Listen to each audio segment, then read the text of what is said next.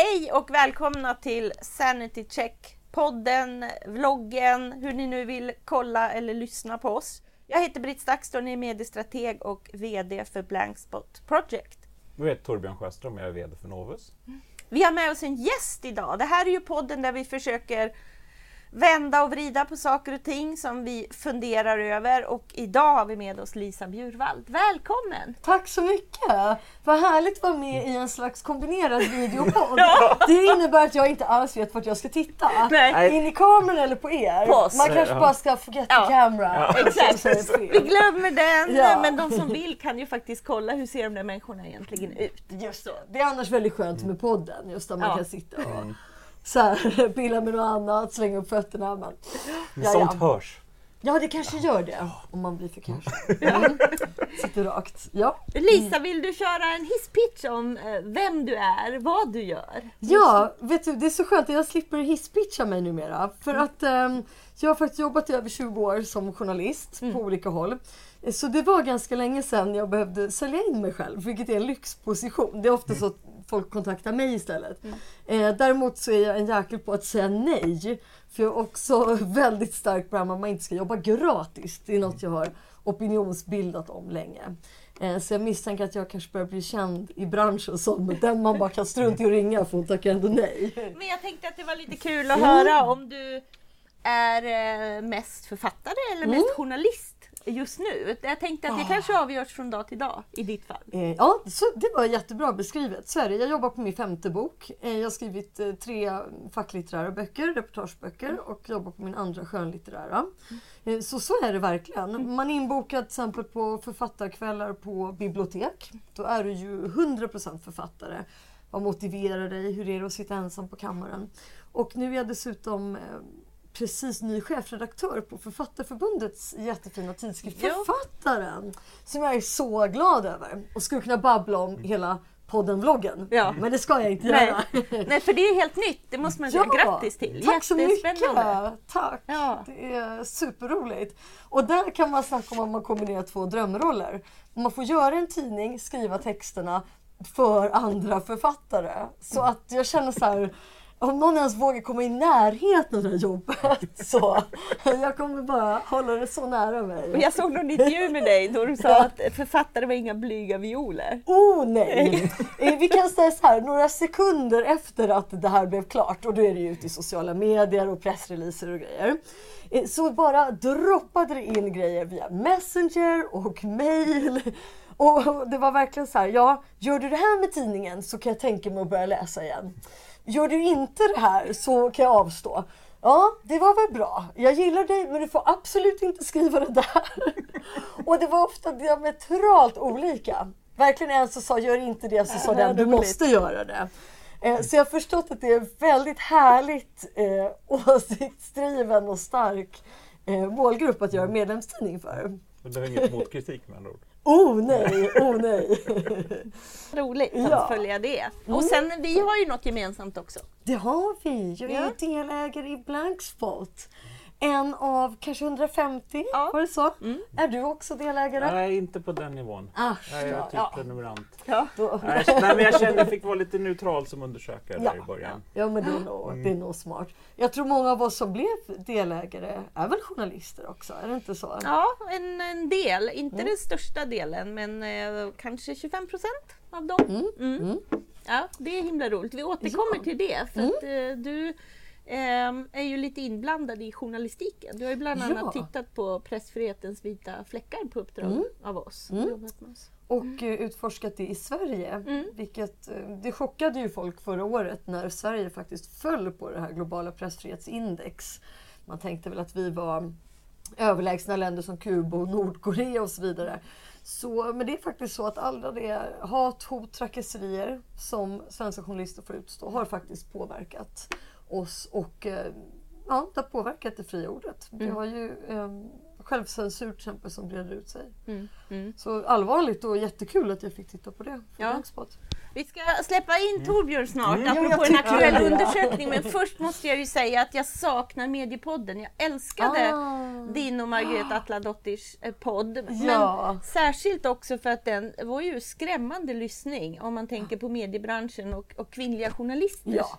Situation. Det blev mm. så uppenbart när man lyssnade på den. Jag tror inte att den är helt nedlagd. Vi har pratat om att försöka ta upp den igen. Mm. Men för att återkoppla till det första jag sa med att få ersättning för eh, det man gör. Mm. Eh, så är det ju, det har varit lite problematiskt med det. Vi måste ha tid att titta på vilka kan tänkas sponsra. Mm. Eh, därför att det är ju inte så enkelt tyvärr att man bara ses snackar i en halvtimme och sen lägger upp den. Ja, så gör vi. ja, ja, det tror jag så mycket jag vill på. Det är förberedelser och det är eventuella gästbokningar och det är körschema. Mm. Och eh, sen vill man gärna veta vad man snackar om också. Mm. Och eh, då kanske man behöver göra ganska mycket ja. research per punkt. Eh, och så i slutändan insåg vi att det, det, är inte hållbart att lägga så många timmar på det här per vecka eller varannan vecka. Mm. Gör vi det så, så, så måste det vara någon ersättning. Så varför inte ja. här? Om det är någon som vill stödja enda kvinnliga och bästa mediepodden så kontakta mig. Ja, det är en saknad röst verkligen. Mm. Men jag är glad mm. att du använder din eh, kraft och din röst i många andra sammanhang. Kring, mm, även kring tack. de här frågorna. Mm. Verkligen. Men mm. Torbjörn, det mm. känns ju som att det är lite givet när vi har Lisa här att vi faktiskt kanske startar utifrån en av era senaste undersökningar. Ja, ja absolut. Och, och det var ju nu, nu kommer det här sändas om en vecka, men så då när det här sänds så är det två veckor sedan det publicerades. Så att mm. Sverigedemokraterna är näst största parti ja. i Sverige. Eh, största parti i Skåne, men det är inte första gången. Det har gått upp och, upp och ner lite. Men och det, det, här har ju, det här har ju varit någonting som har legat bubblat ganska länge, så det, det är kanske inte så jätteförvånande på ett sätt. Det, jag brukar ju prata om för och motpartier och med tanke på allting som verkar vara trasigt i det här landet så växer ju ett motparti. Men en, en sak så, som är ganska intressant. Man pratar ju om att det är ett mansdominerat parti och det är det. Det är dubbelt så många män. Var femte man ungefär, eller drygt, drygt var femte man skulle rösta på SD om det vore val idag. Men en sak som är intressant är att det är också drygt var tionde kvinna. Så det, det, är också, det, är inte, det här är inte bara de här arga testosteronstinna männen utan det är faktiskt Ja, vad kallar man kvinnorna? Jag vågar inte säga. ja, vi lämnar det. Det är fel hur vi än gör. Det får du säga.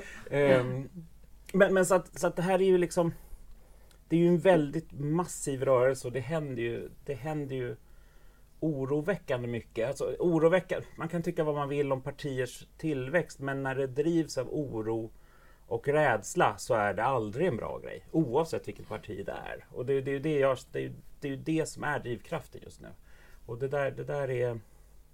Det där måste man ju adressera. Det behöver ju även ett, ett, ett ponera att SD skulle bilda regering, då får ju de samma problem som alla andra. Man brukar ju säga att det bästa för att stoppa ett populistparti och låta det få makten. Men ja, men helt plötsligt måste man, måste man skärpa sig eller avgå. Ja, och jag mm. måste säga att det där är ju mm. lite av en märklig mm. idé. Mm. Eh, och jag märker ofta att folk tar grejer från andra mm. länder och sen så mm, var det ju också någon väldigt senior holländsk statsvetare, minns jag, som Wilder, så att ja, det bästa man kan göra det är ju just det här att eh, låta dem få makten för då gör de bort sig. Men då misstänker jag, då tänker han på de här gamla Flamsbelang, mm. Flamsblock. Eh, Ja men de där mm. det har varit så. Men mm. vi har ju lika många fall där du får en populistpresident som Trump till exempel. Som det första han mm. gör är att sätta igång eh, och eh, misstänkliggöra judar mm. för antisemitiska mm. attacker, mm. starta reseförbud och, och, så men, vidare. Ja, men precis. Så, ja, och det säger mer om de andra politikernas tillkortakommanden. Eller hur? Än, och, och tilltron till politiken. För, för det, är där vi, det finns ju en jätteskillnad. I USA, i princip allt statligt är dåligt. Så kan man ju liksom grund då blir det lite lättare att förstå amerikanska rörelsen. Men ju sämre politiker blir, desto större blir ju den känslan i länderna. Och, och jag tror att det är här vi har en kärna kring det, det, det oroväckande som håller på att hända med, med all högerpop eller populistisk utveckling. Det finns ju vänster i Grekland också faktiskt. Men att man liksom, staten och demokratin som, som fundament håller på att urholkas. Och, det, det, då, och då säga att ja, men låt dem få styra och visa att det är skit, då kanske man inte vill gå tillbaks till demokrati heller. Nej, det är ett Nej. otroligt högt pris. Ja. För, Ja, ja. ja, och så är det en chans också. Det är det jag menar att okej, då ska man titta. Det har gått så här i det landet och så, så i hälften av fallen så har det gått så här. Men vad är det vi, vi gamblar om här egentligen? Det är just det ja, det kan bli förföljelser av eh, etniska minoriteter. Nej, men så blir det inte. Eh, Det, det är Precis. slags så här vitt privilegiumperspektiv också tror jag för att man vet att man själv som, jag menar, som det ofta är liksom vita medelålders med makt, de riskerar ju ingenting. De och deras familjer eh, kommer ändå inte att vara de Nej. som hamnar i blickfånget. Precis, ja men precis, och, och samtidigt är det också intressant att vi tittar på Polen som exempel, där, där man faktiskt, det första man försöker stoppa är det fria ordet. För att de som kommer till makt på det här sättet är ju inte dummare att de förstår att det är fria ordet de har kunnat utnyttja. Alltså ett svagt, eller ett Jo, ett svagt fritt ord som det ändå är. Att, liksom att det, det finns inga spärrar, det, det är det man utnyttjar. Än det är kanske digitaliseringens blinda fläck, eller vad man ska säga. Som gör att man, ja men nu kan jag ta makten på grund av det här. Men sen, då gäller det ju att stoppa den. För man är ju inte dum att, att, att man vet, dummare att man vet att man har utnyttjat det. Och då kommer vi osökt in på den här fåniga undersökningen apropå det. Kring, Ja, men det, det, det, det, har jag sett det, men det, det toppar SMEs nyhetsbrev och det är ju liksom, då är det det man tänker på här hela tiden. Det blir en snackis. SD är mest inflytelserika i sociala medier. Alltså för det första, är det överhuvudtaget ens en nyhet? Har de inte varit det i väldigt många år? Otroligt. Jag menar, det är ju därför vi är där vi är idag. De Ja. har ju liksom satt en, eh, de har ju satt, eh, styrt det offentliga samtalet Ja. hit. Eh, och alltså den här typen av undersökningar, nu har inte jag detaljstuderat just den här, men det brukar ju eh, fallera fullständigt för att man inte gör en analys av hur många äkta konton, vad är det vi pratar om liksom? Är det här ett tecken på, för att SDs frågor är i fokus, betyder det att det är de som engagerar mest? Engagera låter ju som att man ställer sig bakom och tycker att det här är intressanta frågor. Eh, och, och det är ju absolut inte så. Och jag är så glad att du bryter ner det här ordet.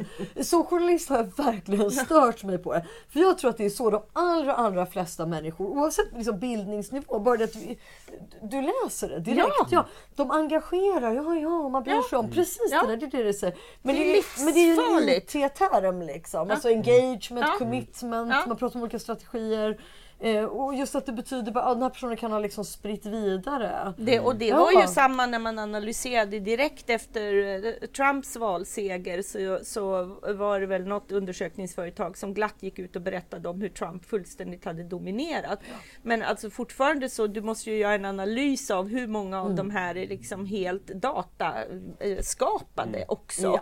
När du lägger in, alltså när medier så glatt återger den här bilden så kommer du ju vilja manipulera systemet. Vi pratade med Troed Troedsson i förra podden om att fuska i olika system. Det här öppnar ju för att fuska. I, i, för att ingen tar sig tiden att i djupet analysera eller ens titta på den MIT-studien som redan fanns publicerad om hur många bot, eh, ursprungliga tweets eh, och hur dominansen var eh, väldigt stor i Trump-klustret för de delarna. Det krävs en fullständig dataanalys till det här. Sluta återge att man engagerar för att man har satt en systematik i att manipulera de digitala medierna. Man blir helt galen på det här. Och även om det inte vara bottar, vilket det ju är, så, så är, ju, är ju andra grejen att du delar av helt andra anledningar Exakt. än, än hur du konsumerar nyhetsmedia. Så, alltså, och, det, och det här har vi ju ett jätteproblem när man mäter en nyhetsframgång genom delning, så mäter man ju det på fel sätt. Och det, Du kan så- ju inte dra nej. slutsatsen av att jag ställer mig bakom det. Jag kan ha delat den artikeln och vilja Ja. diskutera det med er. Precis, Det säger exakt. ju ingenting om Nej. att... Nej. Men, och en intressant grej nu, eh, nu ska vi se vad det var. Kan det ha varit det här med springare och, och Ja, eh, kanske. Men, tider? ja. Det spelar egentligen inte stor roll vad det var, men, men däremot så... Jo, just det, när, när det sker en breaking news-händelse Mm. just nu. Alltså tidigare, när det händer någonting så Mm. förväntar vi oss att alla har sett det och det har vi gjort fortfarande. Men nu är det folk som delar som försöker agera nyhetsmedier själv. Och man delar bara Ja. för att visa att man har sett det för att man ska vara lite duktig Ja. i de här Pavlovska mätverktygen. Och särskilt Mm. kanske journalister och statsvetare men, men andra också för att det är så man ska göra. Och det här blir också skitkonstigt. Mm. Ja. För alla har ju sett det här och så kommer det flash, flash, flash. Men alla ska inte... Ja. Men jag tror att det är för att det är här måttstocken man ser de här Mm. journalistiska förebilderna och inser att det är så här jag gör. Nu ska jag också vara duktig. Det har ingenting med att man inte, har- inte hela svenska folket redan har sett att det var hänt någonting. Eh, Men man gör det av helt andra, beveke, på andra bevekelsegrunder. Och det skapar ju också en helt annan... Det skapar en skev bild av, av vad vi faktiskt... Alltså det blir inte representativt av vad vi faktiskt tänker. Åh, jag tycker det här är jätteintressant. Jag har bara varit i egen egenskap om man säger så, på Twitter i ett år. Jag har alltid twittrat från redaktionskonton och liknande. Eh, och det är verkligen andra saker som förväntas av en som eh, liksom privatperson eller journalist författare på Twitter. Eh, och precis som du säger att när jag väl delar just någon sån här MIT-rapport eller från Poynter Institute, något som jag är så här, det här borde alla verkligen läsa. Just en djupgående analys av dagens journalistik eller liknande får nästan inte eh, ens en liten like eller en retweet. Men just när jag, precis som du säger, jag känner, ja men nu har jag twittrat ut ganska obskyra saker här. Nu får väl jag också säga något om det här som alla snackar om då. Ja, ja, men att Trump fortsätter att tjata om att han har blivit avlyssnad eller något. Det är väl lika bra att jag kastar ut någon sarkastisk kommentar. Plötsligt så radar det upp sig. Eh. Jag säger ingenting nytt. Nej. Jag, precis Nej, som nej, sagt så gör jag bara... Förstå Ja. hur man ska vad kunna motstå Ja. det. Fatta Ja, det- vilket självspelande piano det här blir och Ja. vilka frågor som hamnar i fokus. Ja. Och det är ju den analysen man behöver göra runt det och man behöver sätta sig på händerna äh, jäklar så mycket oftare. För att det, det där är ju, man fattar att man dras in i det där och om hela din affär är beroende av det här. Ja, alltså hur ska du kunna motstå? Ja men det är ju livsfarligt när bubblan och sen när man själv också följer så många journalister och andra i mediebranschen och man bara ser det här, det ser idiotiskt ut. Eh, Alla de här smarta, begåvade, erfarna människorna som alla liksom twittrar ut en flash, det har varit en bilbomb i Turkiet, ja I know, det är bara att kolla BBC News, precis som du säger. men men eh, jag tror att det är, det är mycket lättare att se sin egen filterbubbla om man har varit lite extrem och inte kanske gjort något sånt under privat namn.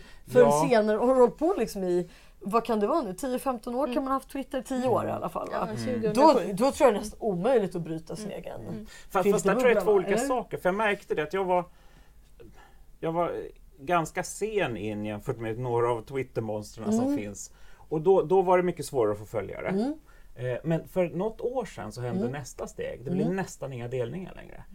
Alltså det har nästan blivit tvärstopp och där tror Mm. jag det, alltså Ulrika Hedman håller inte riktigt med mig. Hon har ju forskat på det. Mm. Men lite håller hon med, så jag säger det. Är att, att, att trollen har liksom dödat glädjen i att dela. För att så fort du Ah. sa någonting, blev, retweetade jag någonting Mm. om något förut, då fick jag skit alltid av någon. Alltså Ah, det kom, det kom, alltså trollen kom in Mm, då, mm, för att helt plötsligt stack man ut hu- huvudet och var någon som tjongade till det. Så att nu, och det tror jag har gjort att delningarna som sådant överhuvud och även likes, men framförallt delningar har gått ner jättemycket. Men nästa effekt blir ju då att du får ju inte in något nytt i ditt flöde. Nej men vadå, så, alla blir som egna små eh, självpublicister Nej, nej. då som bara spottar ut Ja, fast- och Ja, inte- men man ska, men det man ändå ska komma ihåg det är att journalisterna bevakar det.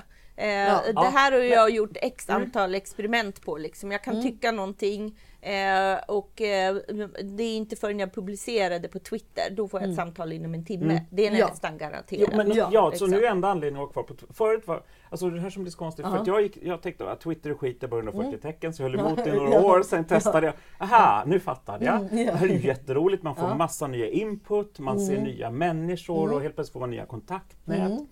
Men det där dog för något år sedan. Mm. Så nu blev det liksom, jaha, de jag hittade, de Ja, hittade damn jag. det är därför. Jag gick som i död Ja, men, ja faktiskt. Så Ja. kan man Fast det är ju inte riktigt sant.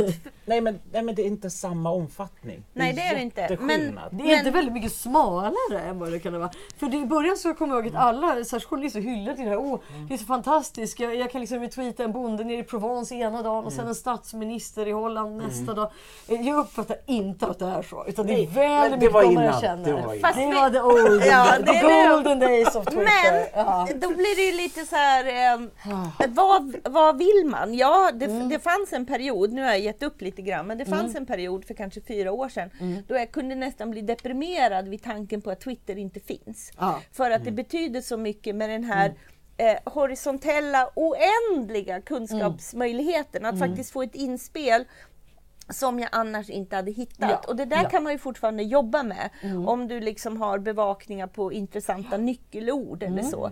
Och det, det är ju det man ska sträva efter Mm. fortfarande. Absolut. Men, eh, och, och, och det är möjligt.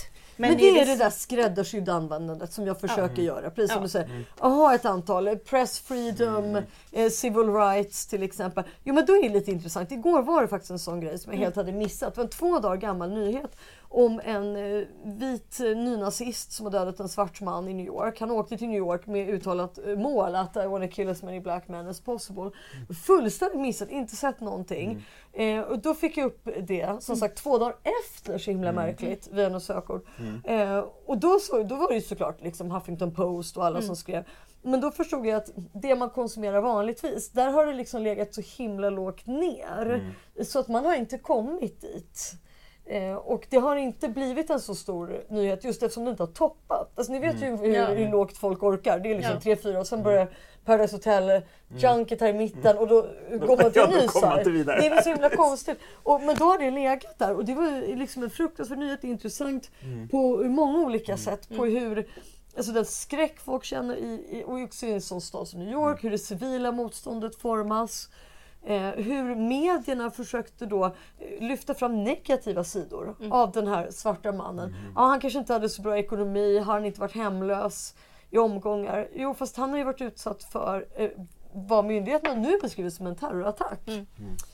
Eh, så, så det var jätteintressant från liksom en rad olika perspektiv. Just Återigen försökte twittra ut det här. och i- Liksom, brydde ja men då är det någon, men så här, en rasismforskare liksom jag känner som man kan lita på så naturligtvis Ja. Retweetar. Men då undrar man återigen, vad spelar det här för roll då? Jo, jag lärde mig något, det var väl bra. Men jag verkar ju inte kunna påverka Mm. andra att läsa det, eller? ja, men alltså tänk er... eh, Om du hade gjort det, om du hade twittrat ut det i och för sig, så är folk är så här, dina följare är ju, hur får man dem så slaviska Britt? Ja, det, det behöver jag också veta. Nej, Det, men det känns inte att du skulle kunna vara så här, mm, god latte idag. De bara Britt, god latte, mycket bra, mycket bra. nej, det tror jag inte. Men jag tror att det är din guru-status. Att du faktiskt har kallats för ordet guru i rubriker och priser och liknande. Och folk är så här, hon är en guru, ja. Ja, Jo, men ja, jag ja. tror Du tror också det? Ja. Alltså, då får jag så här, då kommer jag inte orka twittra något mer längre. nej, men, jag, men jag tror att det faktiskt är skillnad. Du var väldigt tidigt inne, du har byggt in, upp en jättestor följarskara. Själv har man på harvat på ett par tusen eller vad det nu är, tre kanske. Och, men det blir inte mer nu. Och, Jag har stannat på 1997. Jag är såhär, ska jag låta ut en bok så åtminstone kommer jag över 2000. Nu börjar jag bli såhär, oj, nu har det stått still i typ två, tre veckor på 1996, 1997. Ja. Och så fick jag två nya, så var det två som lämnade mig. Ja, men du ser! Det är så, det är så sjukt, att för jag får för mig att det blir en magisk gräns. Men vad kan du ha? 50 000 eller något Nej, sånt där? jag absolut inte. 25 kanske? Eller så. Ja, Men är då, då Ja. tror jag att du har mer, eller ungefär lika mycket som branschen i medievärlden. Så, jag menar, och, och många andra sådana. Så det är ändå Nej, jäkligt men de, är nog väldigt, de är nog väldigt, väldigt klustrade eller så. Men alltså man ska ju inte underskatta Twitters möjlighet. Eh, det är ju bara att titta på vad Donald Trump har åstadkommit med sitt Twitterkonto. Liksom. Den här magin i att känna att jag får ta del av hans tankar på det här sättet. Vi nämnde det i, i podden med Maja Åse, pratade vi om det. det. är Den aspekten av det gör ju också, om man funderar överhuvudtaget vad Twitter för relevans. Ja, vi får förhålla oss till att, att en av världens mäktigaste män har skapat absolut sin egen mediekanal och som efter att han eh, blev president har ju mer än fördubblat sitt antal följare. Eh, fast jag noterade också att hans antal spamföljare har blivit fler. För han hade faktiskt oroväckande låg inne, eh, typ kanske så här 15 fake-följare när han hade 12 miljoner följare. Och detta, nu har han dubblat följare men också dubblat antal Ah. Ja, så att man ska ändå räkna bort, så de kanske är 20 följare. alla Som är, Fa- Fast jag, fast jag tror du är inne på en väldigt viktig sak här. För att, att då- då tar Britt som referens som kallas, alltså media kallar det guru. Alltså, du kan inte bli stor på Twitter utan gammelmedia. Nej, Alltså, så är det. utan här kan du växelverka. Att, Men plattformen är fortfarande den här massmedian som är den traditionella medien. Sen kan du skapa din, kan, kan du fylla tomrummet med Twitter sen. Men det går inte, ja okej det kanske går men det är Mm. jäkligt svårt om du inte har någon annan form av, ja okej Youtube kanske om man är liksom Pewdiepie eller något Eller om man är Kim Kardashian fast nu är ju hon Ja fast det är ju också en traditionell media också. Alltså, Ja, ja, man måste vara absolut. Kändis sen- på något sätt. Mm. Det, det, eller för, annars tror inte jag det här funkar. Ja, men Men du måste nu ju- du händer det ju efter den här vloggen. Ja, Ja, då, då kommer du få... Ja. Men, sådana men det handlar ju om att ge dina följare det dina följare känner att du har en relevans inom. Så det Mm. beror ju på var du startar ditt nätverk. Det kanske finns ett litet innebandykluster ändå. De Mm. pratar sin grej liksom och blir Mm. relevanta Mm. för varandra. Men just den här att även om vi upplever, för så är det ju absolut, att det är nästan ingen action kring mycket Mm. av det man twittrar. Det läses. Och ja, det är ju generellt ett perspektiv vi inte ska glömma. Att eh, 80-20 principen gäller ju här också. Man pratar om att 20% ligger i framkant, 80 följer. Mm. Slår man ute på världens alla sajter brukar man ju till och med prata om att 90% är den tysta betraktaren och 9 eh, skapar, eh, delar, kommenterar och 1% gör eget unikt innehåll. Alltså tittar vi på Facebook är förstås procenten lite annorlunda. Men Mm. sammantaget, och den där aspekten behöver man ju förhålla sig till, att det syns ändå fast det kanske inte Nej. tittas på. För att Just man det. har en bevakning på nyckelfrågor och där, där dina tweets kan, kan Mm. dyka upp och så. Men jag gjorde en lite speciell grej igår kväll faktiskt, som aldrig har hänt under hela min journalistkarriär. Eh, det var att jag satt och censurerade mig själv på Twitter. Ja.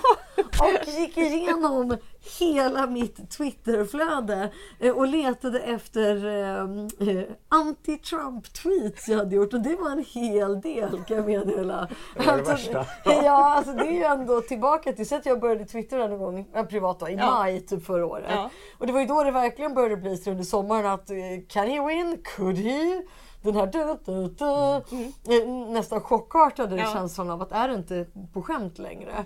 Ja, och sen så har han vunnit och alla de saker han har gjort efteråt. Så det var ju en Men berätta process. varför du har gjort detta. Jo, men för att jag ska ju till USA för Blankspots räkning och titta på hoten som den nya Trump-administrationen utgör mot demokratin. Inte minst mot pressfriheten. Och då är det ju så bisarrt nu att ett land som USA som Ja, det har ju alltid varit där man måste skaffa, som jag har gjort nu, pressvisum och lite sådär va. Eh, Men det är ju inte direkt något osäkert. Det är ju liksom ett stort västland. Eh, Men nu är det annorlunda. Nu är det journalister som stoppas, som får sina sociala medier genomsökta. Eh, Det har varit bisarra fall av eh, journalister då som de har hittat eh, ja, men väldigt så aggressiva anti-Trump-inlägg. Och helt enkelt varit så här, nej men ibland har de fått komma in men ibland har de också alltså, bara blivit förhörda i tre, fyra timmar. Kanske missat något anslutande flyg och det är inte heller så roligt. Och haft känslan av att någon har ögonen på dem. Och kanske då, så journalist är det ju faktiskt, det är ju inte bara en själv. Utan det är ju också så att ska du träffa någon från eh, Reporter utan gränser som jag ska göra, någon journalist som står hotad, eh, som står åtalad för någonting. Om du får den här känslan av att plötsligt börjar det kanske är så att myndigheterna har koll på dig och förföljer dig. Ja, då kanske du inte kan träffa den där personen. Eller, vad, eller alltså, vad, kommer de kolla upp min telefon?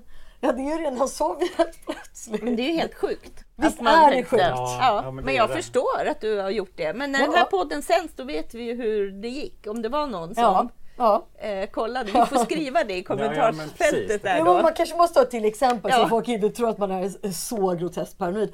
Eh, det är ju faktiskt att till och med pressfrihetsorganisationer varnar journalister från alla länder, inte nu bara oroliga länder i Mellanöstern, utan säger att det blir extra kontroller om ni kommer in på ett pressvisum. Det blir frågor av typen som i sig nästan är odemokratiska tycker jag. Vad, liksom, vad kommer du skriva om? Vilka kommer du träffa? Vad kommer du ha för vinkel?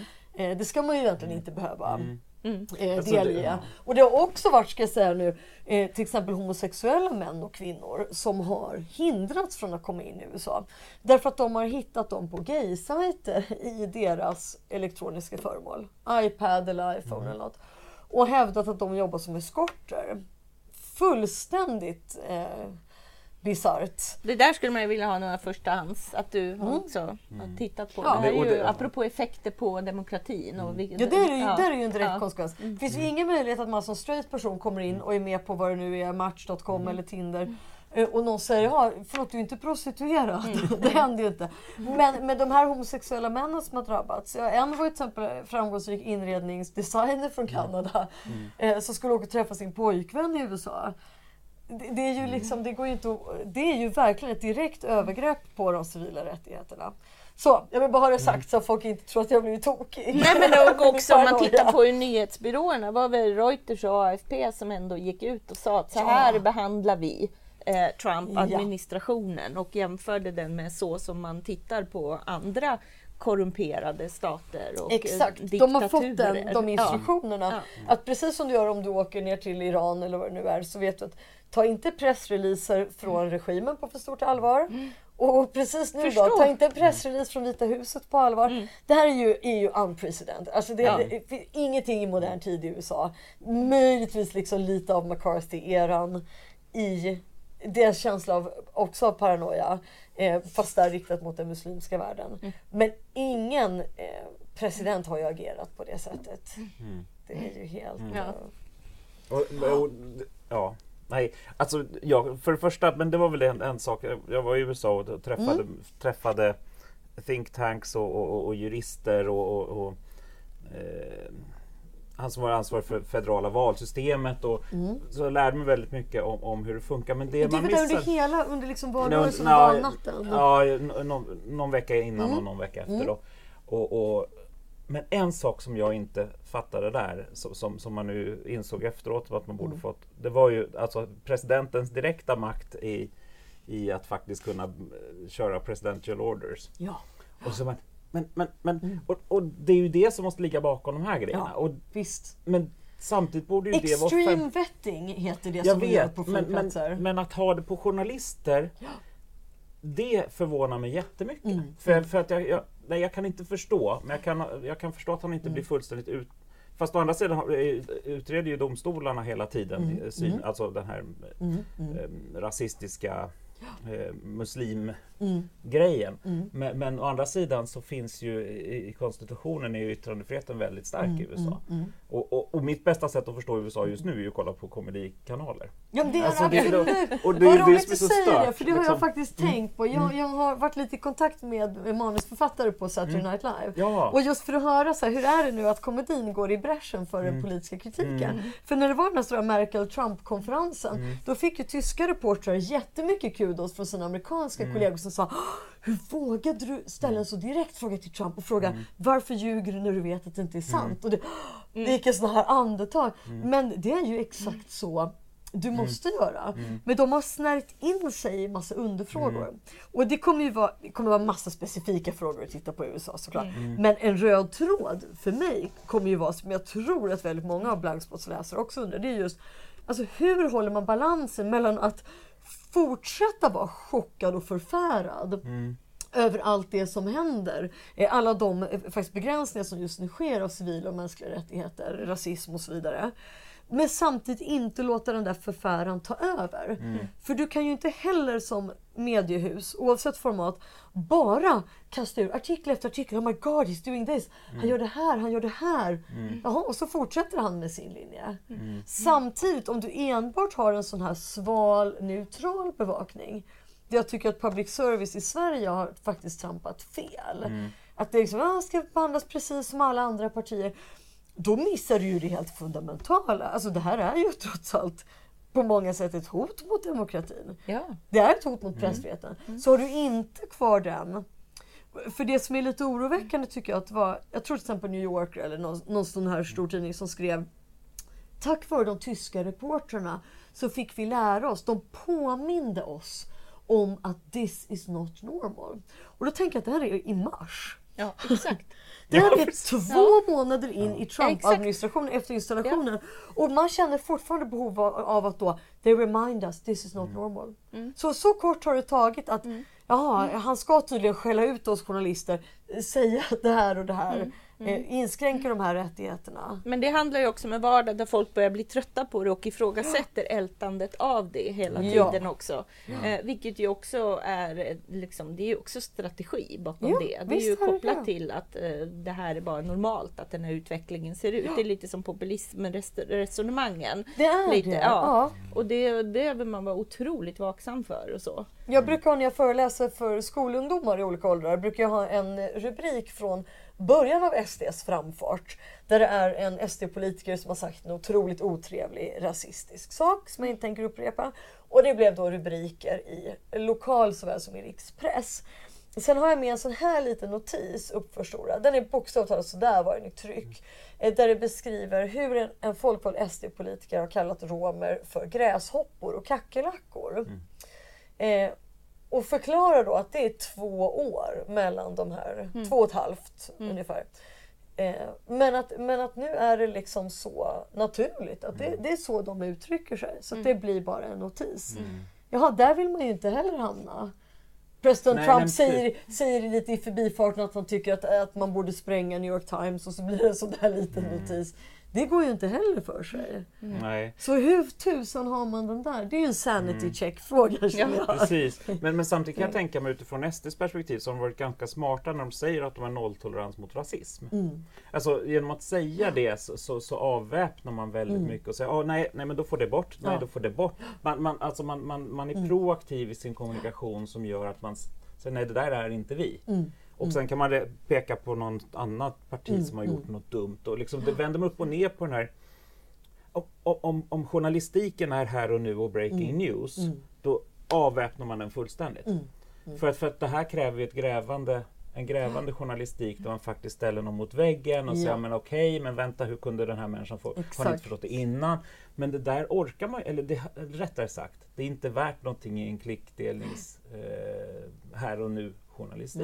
Nej. Så jag tror det är där man går Mm, fel just nu. Och det, USA har ju varit föregångsland för, för den svenska medieutvecklingen också. Så, att, Mm, mm. så att jag tror att vi, Mm. den, tyckjournalistik och här och nu-journalistiken funkar Mm. inte att bemöta den här typen av, av skeenden. Tvärtom förstärker man den. Mm, mm, Eh, men, men, mm. och det är därför jag hela tiden håller på och gnäller på journalistiken. Mm. Nej, för jag, är så- orolig för liksom om man gör det här riktiga jobbet. Mm, liksom. mm. Men och en- samtidigt så är det så att många i USA menar att nu är det en guldålder för journalistiken Mm. och det ska bli jättespännande att granska. Eh, är i själva verket så på många håll då att man har fått ny energi, ny glöd och verkligen en, en annan fighting spirit. Alltså när du tidigare var tvungen att göra de här machogrejerna, åka iväg till Irak och så vidare och nu har jag gjort real reporting. Jaha, ja, men jag har bara varit och patrullerat liksom, lite i Brooklyn, det har varit något bråk eller någonting. Nu, nu sker det på hemmaplan, nu är det hotat. Att man verkligen har växt inför uppgiften. Och det tycker jag är speciellt. Är det något som, en bild som bara sprids lite grann eh, men som inte alls är sann? För att man försöker. Eller kan det vara så på sina håll? Jag tycker mig märka det ändå på vissa eh, alltså men vissa jag tycker New. Yorker har ju blivit helt fantastiskt. Jag menar, en kulturtidskrift som naturligtvis alltid har varit liksom bra, vass politiskt, men som verkligen har blivit någon slags så här, kamporgan känns det som.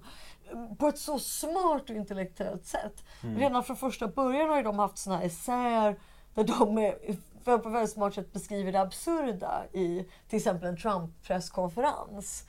Ehm, Nej, men jag tror... hur, hur de sätter sig ner och, och, och eh, du vet, Trump anlägger en lite southern tone. The reporter is black. He asks her if she knows these people. They, she says she doesn't know all black people in all of the US. Bara med lite, Så att man själv mellan raderna verkligen kan känna att herregud, pågår det här? Så de har inte tagit i på det här sättet jag kan uppleva att Washington Post har gjort. Var, de har ju satt till en ny logga där, Democracy dies in darkness. Vad tycker ni om det? Nej, men alltså att medierna har vaknat till, men jag förstår inte. Jag tycker det är, det är fantastiskt jättebra att man liksom kaxar till sig och påminner om journalistikens roll. Men det är väl för jäkla sorgligt att man kunde gå så lost i digitaliseringen att man lät det gå så långt. För det här var ju helt uppenbart. När vi startade Blankspot för två år sedan så handlade det ju om det. Att faktiskt påminna om att läsare vill ha fler perspektiv.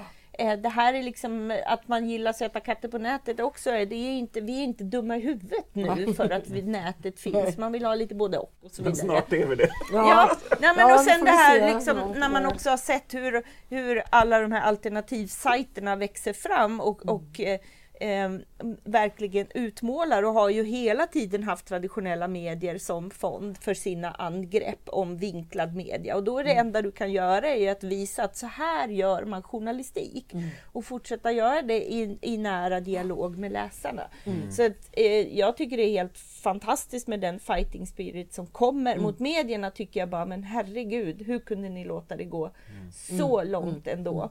Men jag tror och hoppas att du kommer se massor av det även i civilsamhället och överallt. Att det Mm. bubblar av, för det läget är ju akut. Man Mm. behöver göra Ja. något. Men det upplever jag att det är en, en otrolig liksom, gräsrotsaktivitet på ett helt annat sätt. Och också sån där, där många stiftelser skjuter till pengar. Och de säger, vill du starta ett team Just. som jobbar på det här och det här sättet Ja. så finns det tusentals dollar att söka. Så att det är inte enbart liksom att folk sitter och så här handklistrar små lappar nu utan Mm. att det, det är en stor jäkla push. Och många av de som la pengar på till exempel Hillarys kampanj verkar vara, verkar vara benägna att skjuta in det i just gräsrotskampanjer och liknande Mm. och inte minst på nätet. Men, men sen är det mycket som är intressant back to basics. Alltså det finns i storstäder som New York, Washington, Los Angeles varje helg sådana här skylt-making factories. Där man sitter tillsammans och gör riktiga protestskyltar. Så det finns samtidigt en så här lite, lite härlig 70-tals-vibe i det som är otroligt icke-digital. Där folk men varje helg ger sig ut med såna jättestora hemsnickrade skyltar som dock är väldigt mycket snyggare än på 70-talet. Mm. Är så grafiska designers liksom som gör Måste ju passa för Ja, medielogiken. ja, ja visst, och för, särskilt för den här unga liksom, trendgenerationen. Och, så ska man, och så står de utanför Trump Tower. Så det är också häftigt att man vaknar upp till att det fysiska behövs. Man förstår. Tidningarna kommer dit, tar en bild och är vi många och har vi i ögonfallande snygga och, och, och liksom catchy skyltar, då kan vi komma på omslaget till Washington Post. Så, så det, och det finns inget digitalt i det. Det är lite spännande. Men de fortsätter ju också. De Mm. förstärker ju genom sin egen digitala. Ja, så det är ju ja. det här samverkan som är fantastisk ju. Mm. och som vi nog Absolut. verkligen kommer se massor av. Mm. Men vad borde Lisa göra mer? Eh, Ja, alltså det, det jag ju tänker på mycket är att det kom in någon rapportering om att Trumps väljare är inte missnöjda med honom. Och det är ju inte så förvånande egentligen för att det, det är ju det är ju inte den gruppen som man förväntar sig kanske vara missnöjda med den här typen av politik. Utan, men men det, det riktigt oroväckande delen som jag ser i många länder just nu är att det är de som tidigare röstat slutar rösta. Ja. Och det vad hände egentligen?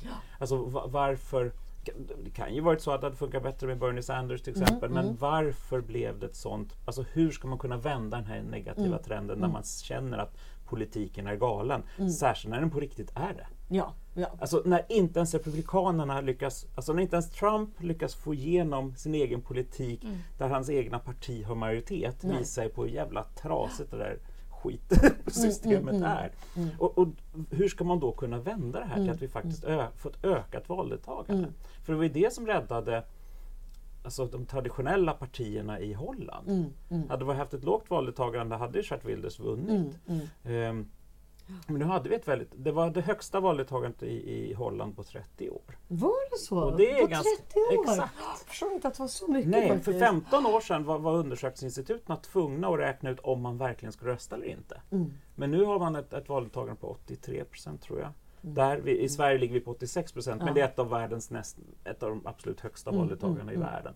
Förutom då tydligen Nordkorea som 115. Nej, nej det var nog ett skämt Eller är det. Putins Ryssland Ja, ja, också 110? Ja, jag, nej, jag, nej, han får nog 97 procent av rösterna. Ja. ja, så är det. Det verkar vara något magiskt med 97 procent också, apropå det diktaturer. Ja. Nej, men, men det där tror jag det där är någonting att fundera väldigt Mm. mycket på. Varför röstar man inte längre? Mm. Hur kan man få tillbaks den Mm. delen? Mm. Eller är det så att staten höll på att gå i konkurs Mm. när, när Mm. Obama hade makten?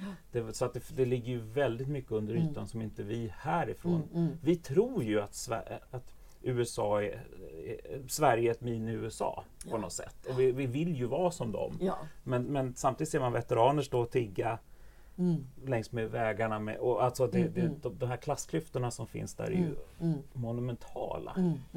Jag håller med om att det är en väldigt eh, förenklad och liksom positiv bild eh, i överkant när det har varit till exempel Obama. Och nu blir det någon annan sådär. Nu är det white trash-bilden av det ondskefulla Trump-riket som dominerar. Det är väldigt eh, speciellt. Och sen, precis som du säger så missar man alltid de där faktorerna som ändå är konstanta. Alltså klasskillnaderna, eh, tro. Alltså det går inte att bli president om du inte säger att du tror på Gud. just det. Det, Så är det ju inte alls i Sverige.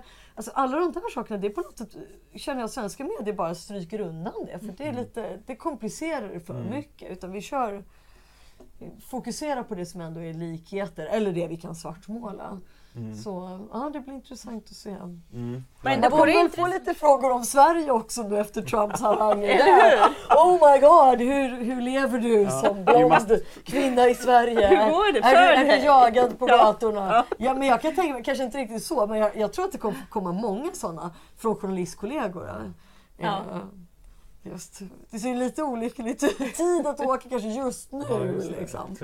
Du är Jag inte journalist, du är flykting. Ja, jag visst. Försöka, försöka söka någon asyl. Den, den svenska inbördeskriget som det. Kommer come from the state of Malmö. Ja, Men man kommer kunna följa dig.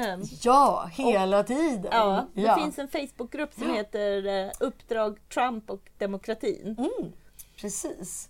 Och eh, där kommer det vara hela tiden diskussion och inlägg. Mm. Och eh, viktigt ändå att komma ihåg det är ju att jag kommer ligga sex timmar bakom i eh, New York-tid. jag. Ehm, så att, eh, ja, om man, Ja. om man tycker att nu har ni inte lagt in och så jag ligger och sover. Ja.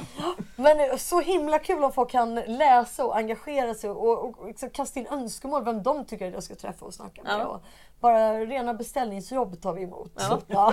Och jag är jättenyfiken på att också kolla hur gick det egentligen för alla de här myndigheterna som fick sina strikta sociala mediedirektiv.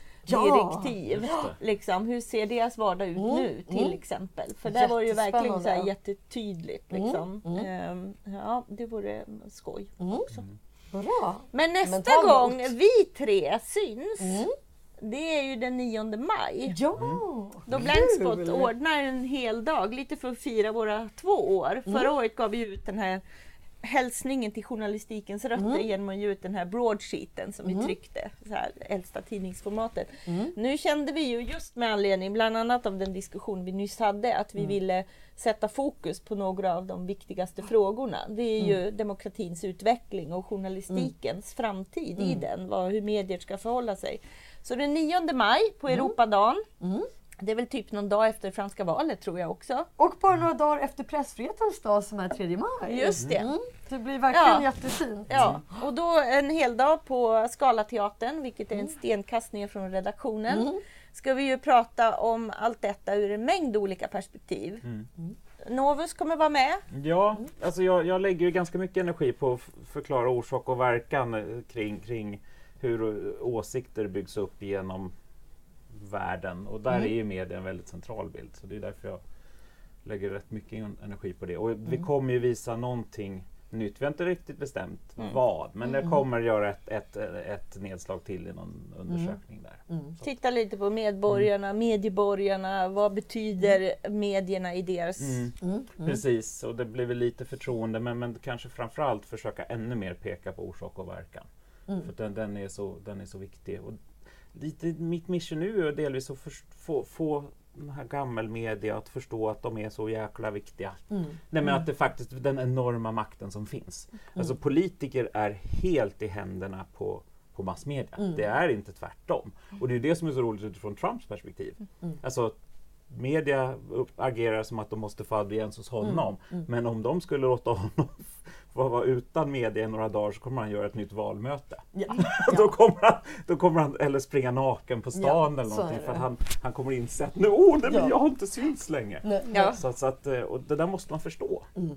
Men förstår man det, då jäklar alltså. Mm. Mm.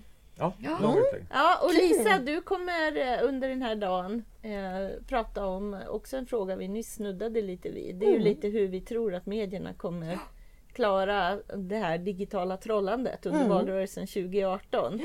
Så vi får väl helt enkelt eh, skippa några prognoser, och, tror jag. För det känns som att det skulle kunna gå lite hur som helst.